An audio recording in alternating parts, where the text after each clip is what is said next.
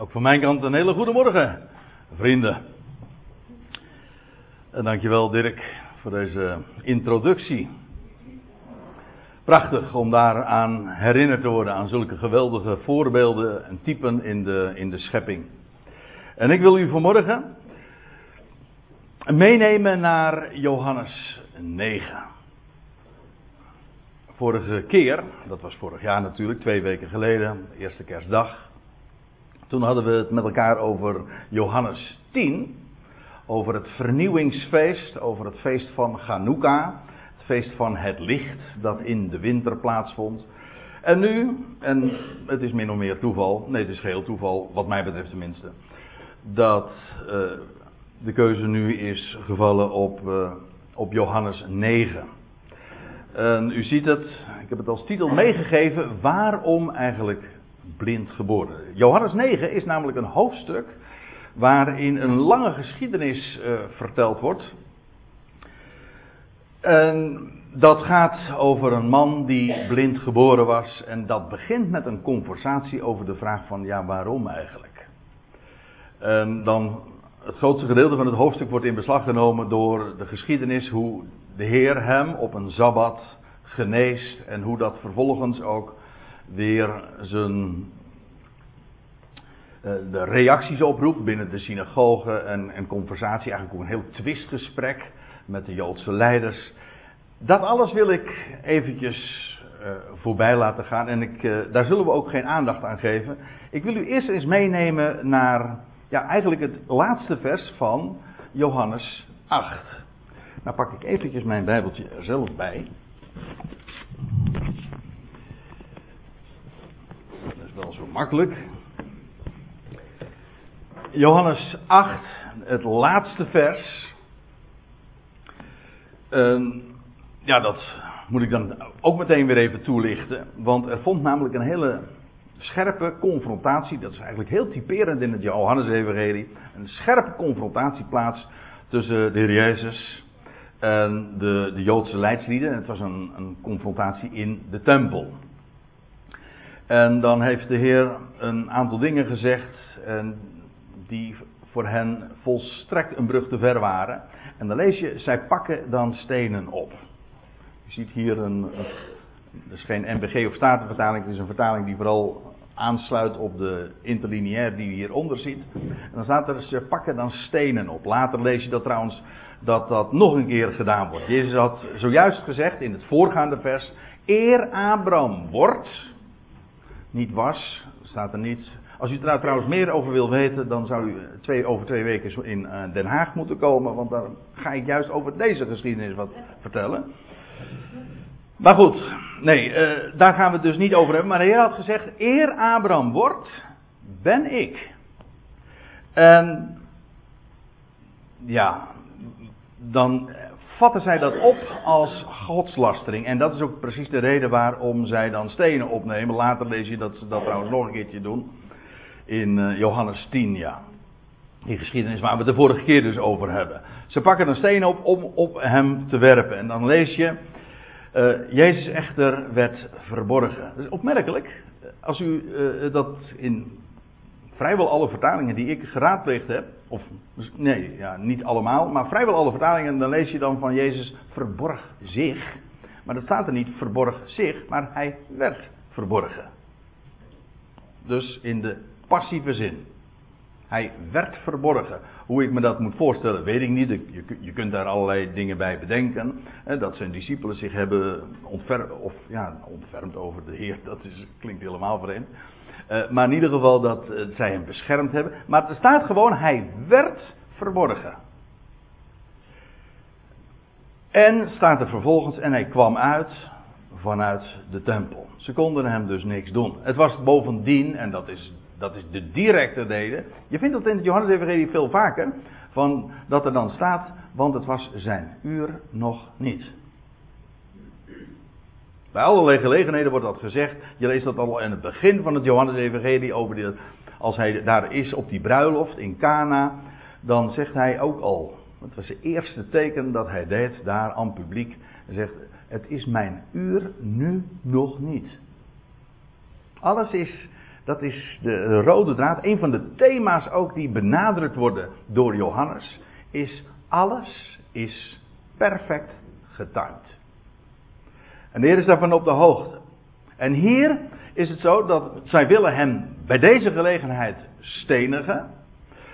Maar dat, uh, dat was trouwens ook, dat was ook de, de straf uh, op godslastering. Maar goed, hij werd verborgen. En hij kwam uit vanuit de, vanuit de tempel. En daar wil ik er toch even iets over zeggen. Uh, ik kan het niet nalaten om te vertellen dat ook dat weer zo een prachtig ding in het Johannes-evangelie is. In Bodegraven houden we ons nu al heel uitgebreid, al, al vele avonden, en, en, er zullen nog vele avonden volgen, bij leven en welzijn, uh, over het Johannes-evangelie. En, en dan, zul, dan zie je ook, ja, dat is niet alleen maar historie, het blijkt ook typologisch te zijn. Dat wil zeggen, er, er zit een, een hele laag onder, dat wil zeggen, het spreekt ook van Gods handelen en ook van de tegenwoordige tijd. En hier in dit geval, Christus, ze willen hem stenigen. Hij echter werd verborgen en hij kwam uit vanuit de tempel. En ik, ik, ik zeg u hierin, dit is ook weer zo'n type van Christus in de tegenwoordige tijd. Verworpen door de Joden, door de Joodse godsdienst, buiten de legerplaats, de legerplaats als aanduiding van de tempel, de gevestigde religie, eh, het oude verbond dat zich uh, ja, conserveerde. Je moet zich realiseren, ik wil dat toch eventjes dan uh, toelichten, dat conserverende oude verbond. God had bij monden van Jeremia al, dat was pakweg zes eeuwen tevoren, had hij al gezegd er komen dagen dat ik met het huis van Juda en het huis van Israël, die twaalf stammen, een nieuw verbond zal sluiten. Niet zoals, het verbond, niet, uh, zoals ik dat deed in de dagen dat ze uittogen uit Egypte. Ik citeer het nu even vrij. Nee, een nieuw verbond. Ik zal de wet dan niet meer langer op, hun, op hen leggen. Nee, ik zal de wet in hun harten schrijven. Zodat ze van binnenuit dat zullen doen. En dan lees je iedere keer, zeven, zeven keer in dat hoofdstuk, ik zal, ik zal, ik zal. En geen enkel gebod, geen enkele conditie wordt aan de mens voorgeschreven. Daarom is dat nieuwe verband, dat God met Israël gaat sluiten, ook per definitie succesvol. Want niets hangt van de mens af. God zegt, God belooft enkel. Hij zal het gaan doen. En Daarom, zo zal het ook gaan. En van Israël wordt daarin ook niks meer verwacht. Wat het Jodendom heeft echter zich heel erg conservatief opgesteld. Dat wil zeggen, men heeft dat oude verbond willen conserveren. Wil, men, hield vast aan dat oude, terwijl God al het nieuw had aangekondigd. En feitelijk door het iets nieuw aan te kondigen, had hij het oude, nee, had hij het bestaande verbond voor verouderd verklaard. En als je niet geloven wil, dan moet u dat maar eens nalezen in Hebreeën 8, want daar staat het min of meer woordelijk zoals ik het nu zeg. Door te spreken van een nieuw verbond had hij het bestaande verbond eigenlijk voor oud en verouderd verklaard. En wel, hier verlaat de Heer de tempel. De tempel als embleem ook van, dat, van de Joodse godsdienst, van dat conservatieve, en, nou gebruik ik dat dus in de negatieve zin van het woord, dat wil zeggen het vasthouden, het willen bewaren van het oude, terwijl er iets nieuws zou komen. En hier verlaat de Heer de tempel en hij is verborgen. Hij werd verborgen, hij is verborgen van Gods wegen. Nou, dat is, deze drie kenmerken, dat typeert Christus vandaag. Hij is verworpen door het Jodendom. Hij bevindt zich buiten de gevestigde religie. En ook, ja, ik bedoel de religie van Gods wegen ooit. En waar is hij nu? Wel, hij is verborgen. Ook dat is een thema wat je heel dikwijls weer terugvindt in het Johannes-evangelie. Men zegt, het Johannes-evangelie is simpel. En inderdaad, er maakt heel veel gebruik van, van ja, zwart-wit contrasten. Licht, duister, leven, dood, haat, liefde en dat soort dingen. Dat maakt het simpel. Maar oh, oh, wat een enorme lagen liggen daar nog weer onder. En wat een diepgang. En inderdaad, Hij, Christus, is vandaag de verborgene. Eigenlijk al gedurende 2000 jaar. En daarmee is de termijn ook ongeveer aangegeven, want nu houdt het ongeveer ook op. Dan zal hij uit de, de verborgenheid treden, maar nu is hij inderdaad die verborgene. Nou, ik, dit is Johannes 8. Maar dan zie je ook even wat, wat daaraan vooraf gegaan is. Hij kwam uit, hij ging vanuit de tempel en dan staat er, en passerende nam hij waar een mens. Hij voorbijgaande. Dus dit, dat passerende, dat, dat verbindt het voorgaande hoofdstuk met hoofdstuk 9. Zowel geschiedkundig, maar ook thematisch. Dat wil zeggen, uh, typologisch of qua betekenis, qua onderwerp, uh, sluit het een op het ander aan. Terwijl de Heer dus de tempel verlaat, was op een sabbat, weten we uit het vervolg, neemt hij een mens waar. Zo staat het, een mens, antropo. En die man die was blind vanaf, of eigenlijk letterlijk vanuit geboorte. Sinds zijn geboorte. Hè? Hij werd geboren en toen reeds was hij blind. Hij had dus nog nooit gezien. Je leest wel vaker in de Bijbel dat de Heer de, de ogen van blinden opende. Maar van deze man lees je, hij was blind vanaf zijn geboorte. Vanuit geboorte al. En dan lees je, en de discipelen, die. De Heer ziet hem. Ja, want als dan zo staat, uh, hij, hij, nam waar. Dat is maar niet alleen van, nou ja, uh, gewoon een, een, observatie en that's it. Als de Heer iets ziet, of iemand ziet, dan ziet hij hem ook zitten. Dat bedoel ik ook dubbelzinnig. Geldt voor dat soort woorden, dat is heel mooi. Uh, van de week toen hadden we, had ik het nog over, over het woordje voorzien. Dat is ook uh, voorzien. God voorziet de dingen. Hij ziet van tevoren dat wat er gebeurt. Dat is voorzien. Ja, maar als God voorziet, hè, dan geeft hij ook. Dan is hij daarbij betrokken en dan geeft hij wat nodig is. Hij voorziet. Dat is, dat is dubbel dus. Het is, is veel meer dan alleen maar hij weet wat er van tevoren gaat gebeuren. Hij ziet dat, hij neemt dat waar. En dat is met deze man ook. Hij ziet hem, hij neemt hem waar. Ja, maar dan gebeurt er ook wat. En het zijn dan de leerlingen van Jezus die tot hem komen. Die zien dat dus net zo. En misschien heeft de Heer daarbij stilgestaan, dat weet ik niet in ieder geval.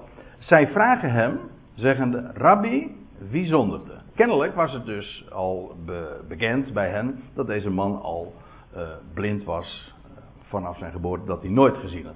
En zij zij vragen Rabbi, want dat was de wat de Heer toch was, een meester, een leraar, een, Joodse leraar. Rabbi, wie zondigde?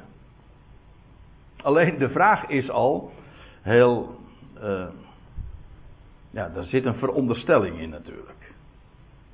En die, die veronderstelling, de vooronderstelling van de vraag, is al fout. Men zegt wel eens een keertje, er bestaan geen foute vragen, alleen maar foute antwoorden. Maar, nou vaak is dat wel zo, maar dat is niet altijd zo. Een vraag kan fout zijn.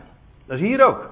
Uh, Rabbi, wie zondigde? De, dan veronderstel je namelijk al dat hier sprake is van een zonde als oorzaak van het feit dat deze man vanaf zijn geboorte, en hij was al 40 jaar, lees je, ook dat lees je later in deze geschiedenis, uh, dat zij dan veronderstellen, ja, eh, er moet hier zonde in het spel zijn.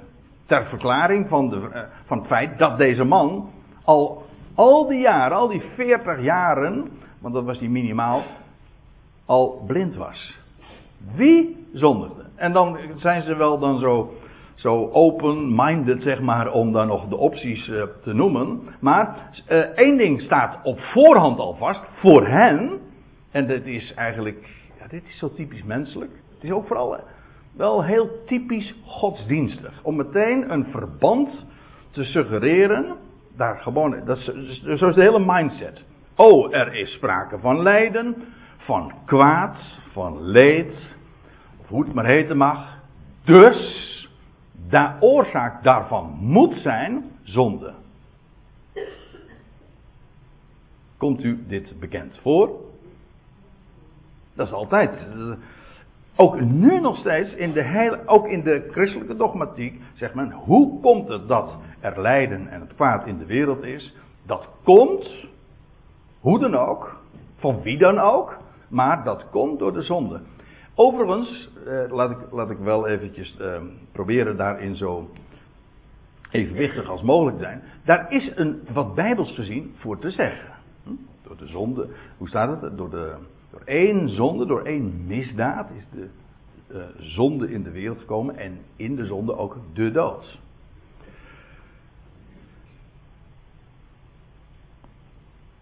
Maar dat is de helft van het verhaal. Het is in ieder geval niet de diepste reden. Want, ik, want nu zullen we. Voordat ik bij het antwoord aankom dat de Heer geeft, de reactie die de Heer geeft. Eerst nog even verder gaan. Zij veronderstellen in ieder geval dat er een direct verband moet bestaan tussen het, tussen het lijden van deze man. Dat is wat. Want het is niet alleen maar als, jij daar, als die man daar, daar bij, de, bij de ingang van de tempel ligt, of de uitgang van de tempel. Dat is de geëigende plaats en de beste plaats dan hè, waar, je, eh, waar je dan je kunt bevinden. Want je mag wat verwachten van degene die die tempel in of uitgaan. Wat barmhartigheid. Want die man die kon niet werken. Hij was dus genoodzaakt ook eens een keer. Al die jaren. Om, ja, om te bedelen en om helemaal afhankelijk te zijn van de barmhartigheid van mensen. Nou, dan ben je. Uh, in het algemeen uh, slecht gestuurd. Als je daarvan af, als je het van mensen moet verwachten. Maar realiseert u zich, we praten hier dus niet over een abstract uh, gesprek over, over de. Neem me niet kwalijk.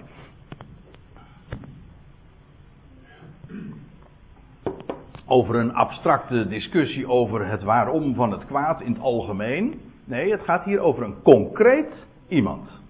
Over een persoon die ze daar zien liggen, waarvan ze het een en ander weten. In ieder geval dat hij vanaf zijn geboorte reeds blind was. Zoveel leed. Niet alleen maar dat handicap, maar ook de gevolgen daar, daar nog weer eens een keer van. En zoveel jaren. Ik bedoel, zijn hele jeugd, zouden wij dan zeggen, is verpest door het feit dat hij, dat hij, dat hij zo uh, gehandicapt was. Dus de vraag is, hoe komt dat nou? En de oorzaak moet in het verleden liggen. Trouwens, dat is niet alleen godsdienstig, want als je het vraagt aan iemand uit de wereld en die God heeft, iemand die, eh, de mens die de wijsheid van de wereld die God heeft weggeredeneerd, wat natuurlijk pure dwaasheid is, maar goed, ja, zulk leed aan God toeschrijven. Dat hij daarvan de schuld heeft, dat, kan toch niet. God heeft ook helemaal geen schuld. Eh, daarom is, ik vind het prachtig om dit gedeelte juist ook vanmorgen met u te bespreken. Want het antwoord, dat kan ik u nu al vertellen, is zo magnifiek. Zo geweldig. Maar uh, in het algemeen is het zo dat ook de wereld uh, de oorzaak van het leed altijd in relatie brengt met iets in het verleden. Ik bedoel, ook als je geen, eh, geen religieus, geen godsdienstig antwoord geeft, dan zeggen ja, dat komt gewoon, ja, de, eh, iets in het DNA of zo, of er is iets uh, medisch misgegaan in de moederschap. En ook daar is weer wat voor te zeggen. Zoals ik zojuist iets zei van, ja, dat godsdienstige antwoord van, het heeft, kwaad heeft met, een, met zonde van doen. Dat is waar. En natuurlijk kun je het ook gewoon puur wetenschappelijk bekijken en zeggen van ja, goh, dat leed, dat, dat komt gewoon om die en die reden. Evolutionair defect of zo, weet je veel. Maar de oorzaak ligt, zoekt men in het verleden. Goed. Zij zeggen, wie zondigde nou eigenlijk? En dan beginnen ze met deze of de ouders van hem. Nou, dat eerste lijkt me sowieso al vrij absurd. Maar goed, ja, je, moet toch wat. Deze, deze man zelf. Maar dan moet je dus veronderstellen dat hij Ja, ik heb al eens een keertje, ooit was ik in Eilat. En, en toen kwam ik in gesprek met iemand en die zei, weet je dat uh, de Bijbel ook reïncarnatie leert. En het verbaasde mij en uh, hij had een argument en dat was Johannes 9 vers 2. Dat weet ik nog heel goed, het is vele, vele jaren geleden. Want daar staat van, ja, die blindgeborenen, de, of nou, de discipelen die geloofden in reïncarnatie, dat is wat hij beweerde. Want ze zeggen, en toen zei hij van, ja, want zij opperen dat deze man zelf dus uh, blind was, blind was geboren en dat dat te maken zou kunnen hebben met zijn eigen zonde. Maar dat betekent dus dat hij kennelijk een voorgaand leven had gehad. In een vorig leven dat hij zich misdragen heeft of gezondigd heeft. En als reden, als motief van het feit dat hij nu blind geboren is. Oh, en nu zijn, uh, al, al die jaren blind was. Uh, dat is één ding. Kijk, als argument kun je dat natuurlijk nooit echt uh, gebruiken. Ik zal u besparen hoe de, het gesprek verder ging. Maar in het Jodendom heeft men trouwens ook wel gezegd van ja, ook in de moederschoot uh, kan een mens al zondigen. Ja, dat is echt waar. Ik heb dat, ik heb dat in, in, in, citaten gelezen. En, want in de moederschoot kan er ook al van alles gebeuren. Hm? Ja, toch? ja, hoe zij vond. Over je, leest, je leest, oh dat, dat was ook zo. Het ging erover dat uh, de. Naar aanleiding van wat je leest in de geschiedenis van, van Jacob en Esau. Dat ze in de moederschoot al. Hoe staat het er nou? De een stiet de ander, hè? Ja.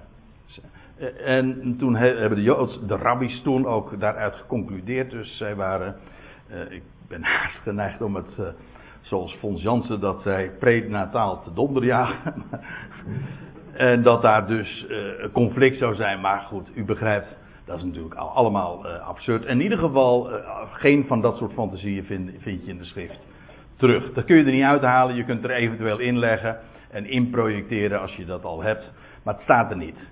Maar goed, de gedachte zou zijn in de moederschoot, dat is absurd natuurlijk. of de ouders van hem. Ja, wie heeft nou gezegd? Heeft hij het zelf gedaan? Wat een vrij absurde veronderstelling is. Of misschien de ouders van hem. En ook daar is natuurlijk weer wat voor te zeggen. Want je kunt natuurlijk altijd beweren van ja, het kan toch zomaar zijn dat een, een kind uh, opgezadeld zit met de, de zonden van zijn ouders. Om maar wat te noemen. We hadden dat een, uh, als je als moeder uh, tijdens de zwangerschap gedronken of gerookt of weet je veel hebt dan heeft dat zo zijn, weerslag op, op, de geboorte van het kind. En dat kan het levenslang zeg maar de last van dragen. Nou, zoiets. Maar deze, of de ouders van hem. En ik heb, u ziet hier een term, die kent u. Als u, als u christelijk groot geworden bent en wat theologische kennis en termen hebt vernomen. Dan hebt u ooit wel eens een keertje het woord gelezen van erfschuld. Of erfzonde. De mens is gewoon erfelijk belast. Nou, dat lijkt me vrij duidelijk. We zijn allemaal erfelijk belast. Maar dan zegt men van. Weet u dat het in de hele Bijbel nergens voorkomt? Dat is heel gek. Maar er zijn zoveel termen die wij eh, kennen. En waarvan we. Ja, dat, dat hoort bij het algemeen christelijke gedachtegoed. Waarvan je dan zou denken van. Nou ja, dat staat er misschien op elke bladzijde van de Bijbel wel. En, dan, en als je dan gaat nazoeken. Het staat helemaal nergens. Nergens. Het idee van erfzonde staat nergens. Je leest inderdaad dat wij zijn stervelingen. de Bijbel spreekt over, uh, of suggereert erfdood. Dat wil zeggen, door één zonde is de zonde, uh, door, door één mens is de zonde in de wereld gekomen en door de zonde de dood, waarin allen zondigen. Dat wil zeggen, wij, waarin, zit, uh, waarin mist de mens zijn doel? Wel in het feit dat wij, net als Adam, Via Adam is de dood in de wereld gekomen en Adam werd een sterveling en daarmee al zijn nakomelingen ook. Wat wij dus erven is gewoon zijn sterfelijkheid. Nou, erfschuld vindt u nergens in de Bijbel. Wel het tegendeel trouwens. Dat een mens niet verantwoordelijk gehouden wordt voor dat wat zijn vader of moeder of zijn voorgeslacht gedaan heeft. En men zegt ook, hè, om nog eventjes daarop terug te komen, of gewoon wat deze discipelen nu zo, zo suggereren in hun vraag: van ja, heeft deze nou gezondigd? Of, of zijn ouders? Hè, of zijn voorgeslacht in het algemeen? En dan komen we heel, eigenlijk dicht bij het idee waar we allemaal groot geworden. Nee, nou, allemaal, ik bedoel in een christelijk land, als je een Calvinistisch verleden hebt, wat natuurlijk op zich helemaal niet zo vanzelfsprekend is. Maar ja, dan ken je dat idee van, ja, allemaal Adam. Het is begonnen bij Adam, toen is het fout gegaan. En daardoor, door zijn zonde, daar zijn wij mee belast. En daardoor is deze ja, in het algemeen is het kwaad in de wereld gekomen. Hebben we te maken met het leed en het lijden. En nu, in dit geval, deze, deze leerlingen zien deze concrete man. Hoe komt dat? Heeft, deze, heeft, heeft hij gezondigd, zijn ouders, voor, dat hij blind geboren zou worden? Waarom? Hm? Is het zijn zonde of die van zijn ouders? Nou, en nu komen we bij vers 3. En daar moeten we maar eens goed op inzoomen. De vraag is duidelijk. De vraag. Daar zit een suggestie, een veronderstelling in. En wat je dan ziet in Jezus' antwoord, is dat hij daar volledig aan voorbij gaat. Hij gaat niet mee in hun veronderstelling van deze of die. Nee, hij, hij wijst helemaal niet op het verleden. Hij wijst op de toekomst. Luister uh, naar wat de Heer dan zegt. Jezus antwoordde: Nog deze zondigde, nog de ouders van hem. Dat wil zeggen, als motief, als reden dat deze man blind geboren was. Want dat was het punt. Kijk, daar, daarmee wordt niet ontkend dat deze man, deze man nooit gezondigd zou hebben of deze ouders niet gezondigd zouden hebben. Dat, wat de Heer zegt, is dat niet de reden dat deze man blind geboren is.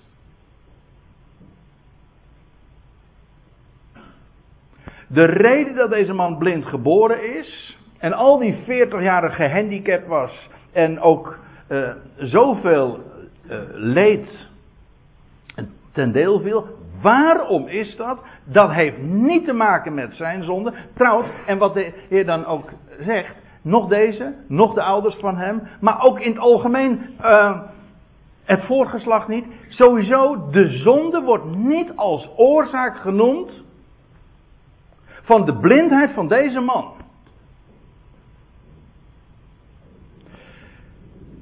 Wat dan wel? Wat dan wil je weten? Maar staat er, opdat de werken van de God openbaar gemaakt zouden worden in hem. Dit antwoord, ik, ik, ik gaf het u zo juist al even eerder aan. Dit antwoord is zo totaal afwijkend. Het passeert ook de, de, de veronderstelling, de, ja, de oogkleppen ook van deze, van deze discipelen. Die meteen in een bepaald stramien denken. En jij zegt, nee, het is totaal anders. Je moet niet naar het verleden kijken. Je moet naar de toekomst kijken. Deze, kijk. Deze mens die werd niet genezen, die werd niet ziende gemaakt omdat hij blind was. Het is precies omgekeerd. Hij was blind opdat hij genezen zou worden. Zou kunnen worden. Hoe zou hij ziende gemaakt kunnen worden als hij niet eerst blind was? Dat is de reden. Dus er wordt helemaal niet verwezen naar het verleden of wat er fout zou gegaan zijn. Integendeel, er wordt gewezen naar de toekomst, namelijk wat er op, dit, op het moment dat Jezus deze woorden spreekt, was het nog steeds toekomst. Die man die lag daar of zat daar nog steeds blind. Al die 40 jaren tevoren, hij was blind. Met alle gevolgen van dien. En waarom was hij nou blind? Kijk, dit, het mooie hier is, aan de ene kant, je ziet hier een concreet voorbeeld. Het gaat hier niet over een filosofisch concept. Maar het, is, het antwoord is zo groot het is namelijk universeel, een universele waarheid die hier wordt uitgedrukt. Want in dit geval zien zij een man die blind geboren is. Maar ga nou eens na, voor uzelf. Hoeveel voorbeelden je daarvan zou kunnen bedenken. Hoe, waarom is dat nou eigenlijk?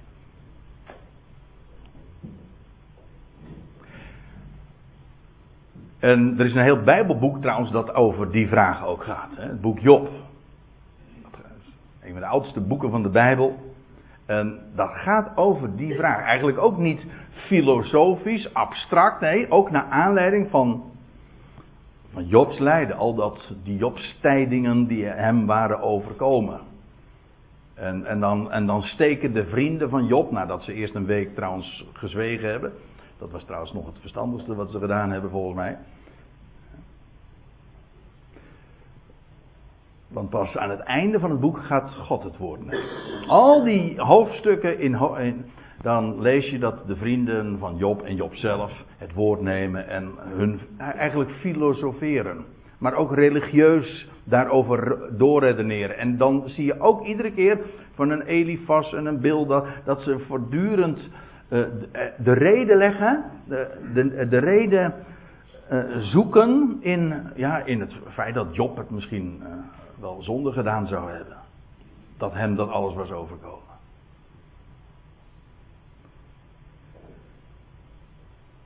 En dan neemt God uiteindelijk het antwoord. En, en eigen, feitelijk, in het hele boek Job, is het antwoord niet dat God zegt van nou, om deze en deze reden, maar is God, als God het woord neemt, dan geeft hij geen antwoord, maar dan stelt hij een wedervraag. Nou, een wedervraag. Dan stelt hij heel veel wedervragen. Dan gaat hij ook uh, de schepping in. En dan laat hij zien, dan gaat hij het hebben over allerlei fenomenen in het weer, in de natuur, in de dierenwereld, in de plantenwereld, noem maar op. En dan wordt Job, en dan worden Job en zijn vrienden ondervraagd. Waar was je? Weet jij, Job, wat ik weet? Kun jij wat ik kan? Wie, of nog anders gezegd, zoals Paulus in Romeinen 8 en 9 zegt, wie ben jij nou eigenlijk? Wie denk jij nou wel dat jij bent? Want de mens heeft zich een maand, waant zich een, een, een, mening te kunnen geven over dit soort grootste dingen. En wie, wie, wie zijn wij nou? En ook, dit is een, een, een onderwerp. Ja, dit komt vroeg of laat heel dichtbij elk mens. En elk mens ja, heeft hier ook zo zijn mening over. Zijn, vormt zich een gedachte hierover. En het is de laatste weken dat ik er nog eens een keertje mee te maken heb gekregen. Vandaar ook dat ik dit gedeelte graag eens uh, ja, aanstip. Omdat dit namelijk een antwoord is, is licht van de schrift. En waar, daar heb je zo oneindig veel meer aan. Dan elk menselijk geval. Maar ik, ik heb eh, een, een paar weken geleden las ik een blogje. Had ik het de vorige keer daar ook niet even over? Ja, dan heb ik het nog even genoemd. Een blogje dat ik had gelezen. Een, een, eh, een column had, dat ik gelezen had van Joep van het Hek. Dat hij het ook heeft dan over. Nou ja, dat ging dan over in dit geval een klein of een jong kankerpatiëntje. Dat uh, opgegeven was. En dan, dan wordt hij boos naar God toe. Altijd weer. Ik las ook van de week nog uh, van een, een atheïst. Die zegt, want atheïst betekent niet een ontkenning van God, maar het is de onvrede met een God die dit kwaad allemaal toelaat. Dat is het. Het niet kunnen zetten. En dan ook niet van als, als mocht ik voor hem verschijnen, dan, dan moet ik gaan uitleggen wat ik, uh, wat ik gedaan heb in mijn leven. Nee, als, als ik bij hem kom, dan, dan heeft hij mij wat uit te leggen. En dan ga ik hem vragen van, maar weet u, ik vind het, dan denk je echt, wie denk je nou dat je bent? Een klein, piepklein mensenkindje. Een stofje, nou, als de volkeren, al die miljarden bij elkaar, al een stofje aan de weegschaal zijn. Wie denk jij dat je als een van die 6, 7, hoeveel, ik ben het al kwijtgeraakt, 6, 7 miljard mensen, dat jij bent? En wat denk je in deze paar uh, ons uh, hersencellen allemaal te kunnen bedenken?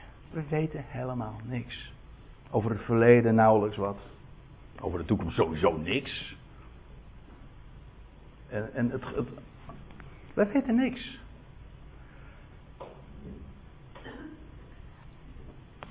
Als we over deze dingen iets kunnen zeggen, dan is het omdat God zelf het woord genomen heeft. Omdat God zelf in de schriften zijn licht daarover laat schijnen. En dat doet hij ook. En in het boek Job, ik verwees er zojuist naar, dan is het dat God geen antwoord geeft, maar hij zegt wie hij is door Job vragen te stellen. Maar op elke, het zijn allemaal retorische vragen. Het zijn allemaal vragen waar Job stuk voor stuk het antwoord schuldig op moet blijven. Hij kan dat niet zeggen. Een mens weet het domweg niet. Nou, de les moet na zoveel vragen dan toch wel duidelijk zijn. En de hint is eigenlijk na één vraag al duidelijk van ja, wie ben ik om u daarover ter verantwoording te roepen? Wie ben ik om mijn mening te geven over zo'n groot ding? We begrijpen helemaal niets van de schepping. Laat staan van, de schep, eh, van zelfs van een schepseltje. Begrijpen we al helemaal niks. Mijn broer Dirk had het zojuist over een adelaar. Maar hij had het ook over een, een oog kunnen hebben. Of over een, een, amoebe. Zo'n eenzellig eh, diertje. Waar, dat al ons verstand te boven gaat. We begrijpen er niets van. Nou, dat zijn de verhoudingen. En, nou, en dan het antwoord wat je hier in Johannes 9, ik kom weer even terug. Het antwoord in Johannes 9, dat wijst in een totaal andere richting. Helemaal niet dat het te maken zou hebben met de zonde van die ouders of van hemzelf. Totaal niet. Maar opdat de werken van God, van de God, openbaar gemaakt zouden worden. Kijk, wij denken van, uh, ja, uh, zo zou je de geschiedenis lezen. Ja, de Heer die geneest hem. Ja, waarom? Nou, omdat hij blind was. Ja, maar dat is hier het punt niet. De vraag is, waarom is hij blind? Nou, en dan zegt de Heer, ja, opdat hij genezen zou kunnen worden. Opdat hij zicht zou krijgen. Opdat de werken van de God, de God, ik heb expres, het klinkt misschien eh, vreemd in het Nederlands, maar in, in het Nieuwe Testament is het hier de God. Namelijk die ene, die alles regisseert. Maar niet zomaar een God,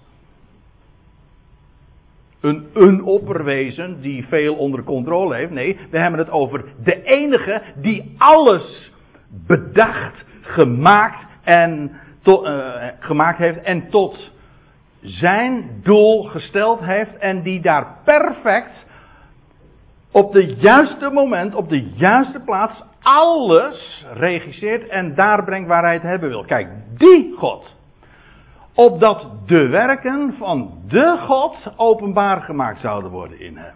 Dus het antwoord ligt niet in het verleden, het antwoord ligt hier in Johannes 9, vers 3 in de toekomst. Maar goed, die kenden ze nog niet. Het moest openbaar gemaakt worden. Dat wil zeggen, die man die was blind. Waarom?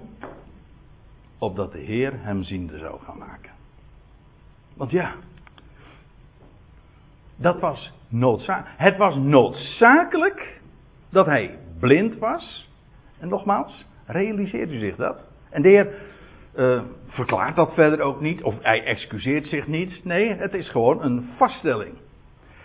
Dit moest zo zijn, opdat dat zichtbaar zou worden. En dat is zo'n universeel principe in de schrift. Namelijk dat het kwaad in de schrift, God bedoelt dat niet aan zich. Nee, maar hij heeft er wel een bedoeling mee. En sterker, God is een goede God. Hij wil het kwaad niet. Nee, maar het kwaad is wel nodig. Als het niet nodig zou zijn, zou een goede God dat niet uh, geen plaats geven. Maar God geeft het kwaad wel een plaats. En daar kun je onvrede mee hebben. Maar het is gewoon een vaststelling. Kijk om je heen. Dat gebeurt. En hoe kan God dat doen? God geeft het een plaats. Waarom? Omdat zijn weg altijd de beste is. En hij heeft daar een, inderdaad, een bedoeling mee. En het is noodzakelijk. En nou, laat ik, laat ik daar eens gewoon een, een, een rij voorbeelden van geven. Want hier gaat het over een blindgeborene. Waarom was hij blind? Wel, opdat hij ziende gemaakt zou kunnen worden. Hij, kan, hij kon niet ziende gemaakt worden als hij niet eerst blind was. Zonder ziekte geen genezing. Zonder ziekte dus ook geen genezer. Als God zich de grote heelmeester betoont, heeft hij inderdaad ziekte nodig. Um, zonder ellende geen ontferming. Je kunt je niet over iemand ontfermen als daar ook niet sprake is van, van lijden en van, van, van narigheid en misère en ellende. Dat heb je nodig. Zonder lijden, oh, dat, is wel heel, dat is een heel aparte. Zonder lijden wordt liefde niet zichtbaar. Liefde kan er, natuurlijk kan er liefde zijn zonder lijden. Maar alleen door lijden heen wordt liefde zichtbaar. Heb je ooit wel eens een keer een romantische, uh, een roman gelezen? waarin liefde de boventoon voert, zonder, of een roman gelezen of een film gezien, dat jouw hart raakt, waarin geen leed voorkomt. Bestaat niet. Het zou een uitermate saai boek zijn trouwens. Dat kan niet zichtbaar worden. Het wordt alleen maar zichtbaar tegen zo'n donkere achtergrond. Dat, zoals sterren slechts zichtbaar worden als het nacht is, zo wordt het licht van Gods liefde alleen maar zichtbaar tegen de donkere achtergrond van lijden. En ik eh, gebruik hier het woordje passie twee keer, want dat woordje passie drukt dat heel mooi uit. Passie, dat heeft twee betekenissen namelijk. Hm? Passie betekent de passion, hè, dat is lijden. Maar passie, dat is ook liefde, hè? hartstocht. En eh, waarom heeft dat ene woord twee betekenissen? Nou, het is eigenlijk het is anders. Dat ene woord, passie, ook in het Grieks pathos, dat heeft uiteindelijk één gedachte. Alleen door lijden, door passie, wordt passie zichtbaar. Het heet passie juist omdat het lijden liefde zichtbaar maakt. Het wordt openbaar gemaakt. God was, God is liefde.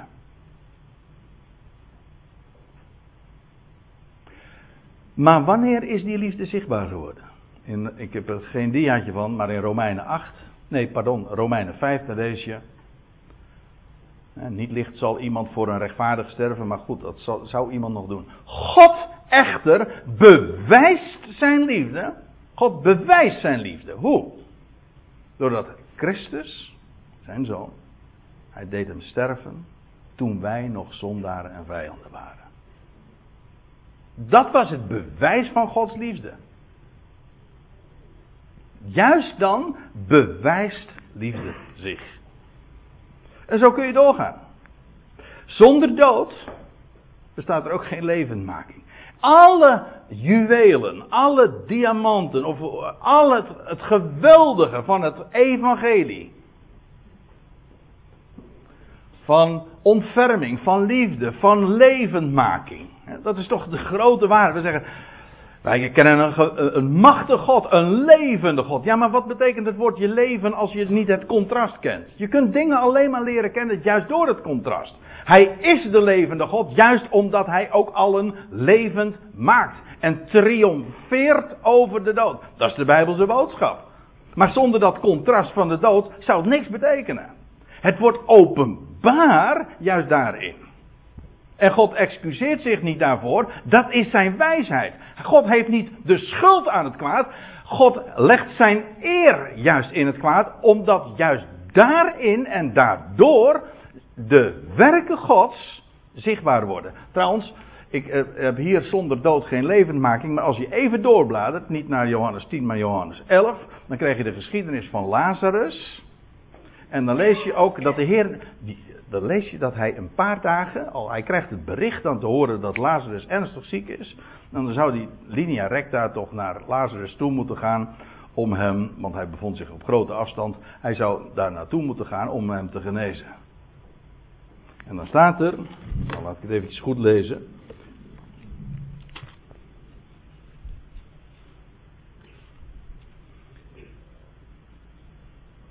Alleen, ja. Dan lees je dat de Heer uh, vertoeft, dat wil zeggen hij blijft nog een tijd. En dan zegt hij er ook bij, deze ziekte, die is ter ere, dat is dan letterlijk ter heer, vers 4 van Johannes 11, tot heerlijkheid van God, opdat de Zoon van God erdoor verheerlijkt worden. En dan komt hij bij het graf en dan, dan vinden daar gesprekken plaats en dan zegt de Heer, die prachtige woorden, ik ben de opstanding en het leven. En dan wordt de steen die weggewenteld en dan zegt hij, Lazarus, kom uit. En toen bleek zijn woord genoeg om hem zo te doen opstaan uit de dood. Hij kwam uit het graf. Toen bewees hij de opstanding en het leven te zijn. En, God, en, en de Heer had expres gewacht tot hij gestorven was. Zo staat het er echt. Waarom? Hij wilde de bewijzen dat hij de opstanding en het leven is. En dat hij triomfeert over de dood. Opdat de werken van God openbaar zouden worden. In dit geval, hoe zou hij zich de opstanding en het leven kunnen betonen. Als, hij, als daar niet, geen sprake zou zijn van de dood. Zonder schuld zou er geen vergeving zijn. Als je, is niet een van de grote, de allermooiste dingen. Uh, van het licht dat straalt, uh, hoe vaak vind je dat ook niet in de evangelie, van vergeving. Je denkt, ik denk aan die geschiedenis van, van van Zacchaeus. Aan dat huis werd toen, toen de Heer bij hem binnenkwam, werd, werd uh, ontferming bewezen, staat er. En, en alles wat, wat Zacchaeus misdaan had, het werd vergeven. Ja, maar dat veronderstelt ook dat daar eerst sprake was van schuld. Alleen daar waar sprake is van schuld, kan ook sprake zijn van, van vergeving. En juist daarin toont en demonstreert God zijn liefde. Zonder zonde geen rechtvaardiging. Ziet u? Vergeving, rechtvaardiging, levendmaking, liefde, ontferming. Al die geweldige heerlijkheden, echt diamanten van het evangelie, die zijn ondenkbaar zonder dat contrast van ellende, lijden, dood, schuld en zonde. Onmogelijk. Het betekent niks. En als we zeggen van ja, de geweldige Bijbelse waarheid dat. Ah, hoe staat het in Romeinen 3? Want allen zondigden. En derven de heerlijkheid Gods. En staat erbij. En worden om niet gerechtvaardigd door zijn genade. Om niet, ja. Allen zondigden. Geen uitzondering. Ja, maar juist dan, juist tegen die achtergrond schijnt ook het licht en worden om niet gerechtvaardigd door zijn genade. Is genade. Het is niet voor niks. Er gebeurt nooit iets voor niks.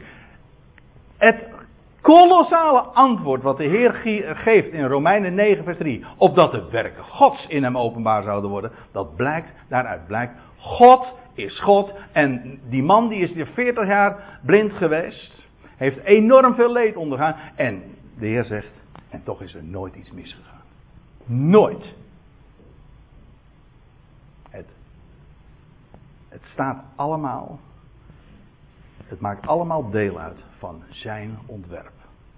En dan zeggen mensen: Oh, dus jij geeft God de schuld ervan? Nee, niet de schuld. Hij krijgt de eer voor dat alles. En hij maakt, hij weet wat hij doet. We hadden het er voor de dienst nog even over met Ton.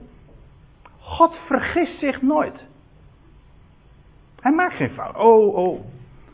En, of dat daar dan, dan uh, ja, het is toen misgegaan en toen ging de Heer ging het alsnog repareren. Weet je wel, zo, zo wordt het voorgesteld. Ik ben zelf ook zo groot geworden met, dat, met die gedachte van, ja, God schiep een, een goede schepping. Ja, en toen ging het mis, toen viel er een engel uit zijn hand. En ja, die verleidde vervolgens het eerste mensenpaar, nou, enzovoort, enzovoort. Maar gelukkig, God repareert het weer. En, weet je, maar dat is, dat is allemaal. Uh, het is allemaal zo zielig. Je hebt dan geen God. Dan is, een, dan is het altijd een God die, die eigenlijk achter de feiten aanloopt. Ja, het is toen misgegaan. Nou ja, goed, daar, daar, daar, doen, daar doen we dit voor. En alle zeilen worden bijgezet om zoveel mogelijk mensen te redden. Maar die kennelijk ook niet zo goed inslaagt. En, het, en het gevolg is uiteindelijk toch een enorme smet op zijn naam. Want het grootste gedeelte van de schepping gaat verloren. Ondanks het feit dat men uitroept. Hij laat nooit varen de werken van zijn handen. Aan de ene kant weet men het, aan de andere kant zegt men, bestrijdt men het ook weer en ontkent men het ook weer. En dan te bedenken, er is een God, er is nooit iets misgegaan. Het kwaad is er. Het is noodzakelijk. Opdat de werken van God openbaar zouden worden. Zonder vijandschap zou er geen verzoening zijn. Hoeveel vervreemding is er niet in de wereld? Dat mensen vervreemd zijn van elkaar. Hoeveel vijandschap is er niet? Ja. Maar alleen tegen die achtergrond gaat het licht van verzoening. Van liefde die sterker is dan die vijandschap en die vervreemding. Die dat alles overwint. Zo'n God hebben we. En deze achtergrond is nodig om dit te laten schijnen. Het is ook zo logisch. Ik moet u zeggen, ik, ik heb hier, ja, de een eh, zit met andere vragen dan de ander. Maar ik heb hier als kind, een, als kind al, zeg ik zo eh, altijd toppen over, over zulke vragen. Hoe kan dat? Ja, en eerlijk is eerlijk, vanuit, en dat neem ik mijn ouders totaal niet kwalijk, of ook niet de kerkgemeenschap waarin ik groot werd, daar gaat het me niet om. Maar ik kreeg geen antwoord op mijn vragen. Totdat ik God leerde kennen. Ik bedoel, met allemaal hoofdletters. De God. Ik, had, ik werd groot met een, een God. Die achter de feiten aanliep. Die het ook allemaal niet uh, uh, onder controle. Het kwaad was, ja, dat was een fout van de mens. Een misser van de mens. Ja, maar uiteindelijk van hem dus. En uh, oké, hij probeerde dat of allemaal weer zoveel mogelijk te herstellen. Maar slaagt hij ook al niet in. Totdat je leert verstaan. Er is één God, de God, en hij heeft alles in zijn hand. En hij heeft alles, alles past in zijn plan, alles. Nou, dat is God de eer geven. Ja. Zonder verlorenheid geen redding. Ja. Dat is ook dat is logisch. Hoe kan God een redder zijn? Hoe kan God een redder van alle mensen zijn, zoals de schrift zegt? Als ze niet eerst verloren zouden zijn. Dus ja, ik heb nooit van Ton gehoord. Ik heb het al vaker gezegd.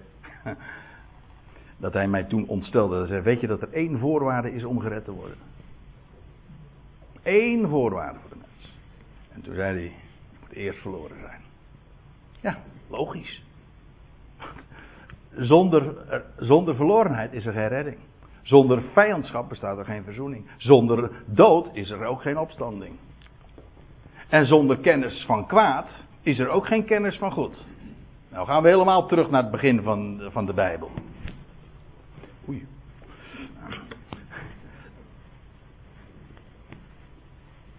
dat was al in de, in, in de hof. Had daar een boom gezet. En er waren geen twee bomen. Van een boom van kennis van kwaad en een boom van kennis van goed. Nee, één boom. Door te eten van het een, van die vrucht, die verboden vrucht, kreeg de mens kennis van kwaad. Oké, dat begrijp je. Maar ook kennis van God. Daarvoor kende Adam en, en, en het eerste menspaar kenden daar geen goed. Ze hadden het misschien goed, maar ze kenden het goed niet. Het werd niet openbaar. Het werd pas openbaar door van die vrucht te eten. Het is, dat noemen ze in, uh, spreken ze dan over een package deal. Hè? Dat wil zeggen, als het, een, het een hebt, dan heb je het andere ook. Je, kennis van goed is niet los verkrijgbaar. Je kan dat alleen maar leren kennen door kennis van kwaad. Het is een algemeen Bijbels principe. Nou, en nu ben ik bij mijn laatste dia aangekomen. Die kwam ik tegen, die vond ik wel erg leuk. Dat was van, kennelijk van een of ander Engelstalig Amerikaans bedrijf. En die excuseerde zich over, de, over, de, over hoe, het er allemaal uh, hoe het er allemaal zo uitzag op het bedrijf. Hè. Sorry for the mess. Hè voor de, voor de rotzooi enzovoort. Uh, dat wil zeggen, het ziet er niet uit. Uh, maar het, waarom? Het is nog steeds werk in uitvoering. En dat geldt voor Gods werk ook. Mensen maten zich een oordeel aan over wat God doet. En God zegt: Still under construction. Ik ben aan het werk. Werk in uitvoering. En today, die vond ik ook mooi, hè? Dat, was, dat was geen Bijbelse verklaring, maar today's pain is tomorrow's gain. Dat wil zeggen, de pijn voor vandaag is noodzakelijk voor de winst voor morgen. Nou, hoe, hoe mooi wil je het gezegd hebben? Dat is het. De pijn van vandaag, de pijn, het lijden van de tegenwoordige tijd is voorbijgaand. De heerlijkheid die gaat komen, die is onvergankelijk. Deze herinnering zal blijven, maar het is van voorbijgaande aard. Dat was niet de herinnering, maar ik bedoel, de pijn is van voorbijgaande aard. Maar het zal voor altijd zichtbaar maken wie Hij is. Het grote goed dat Hij geeft. Ik stel voor dat we met elkaar een lied zingen.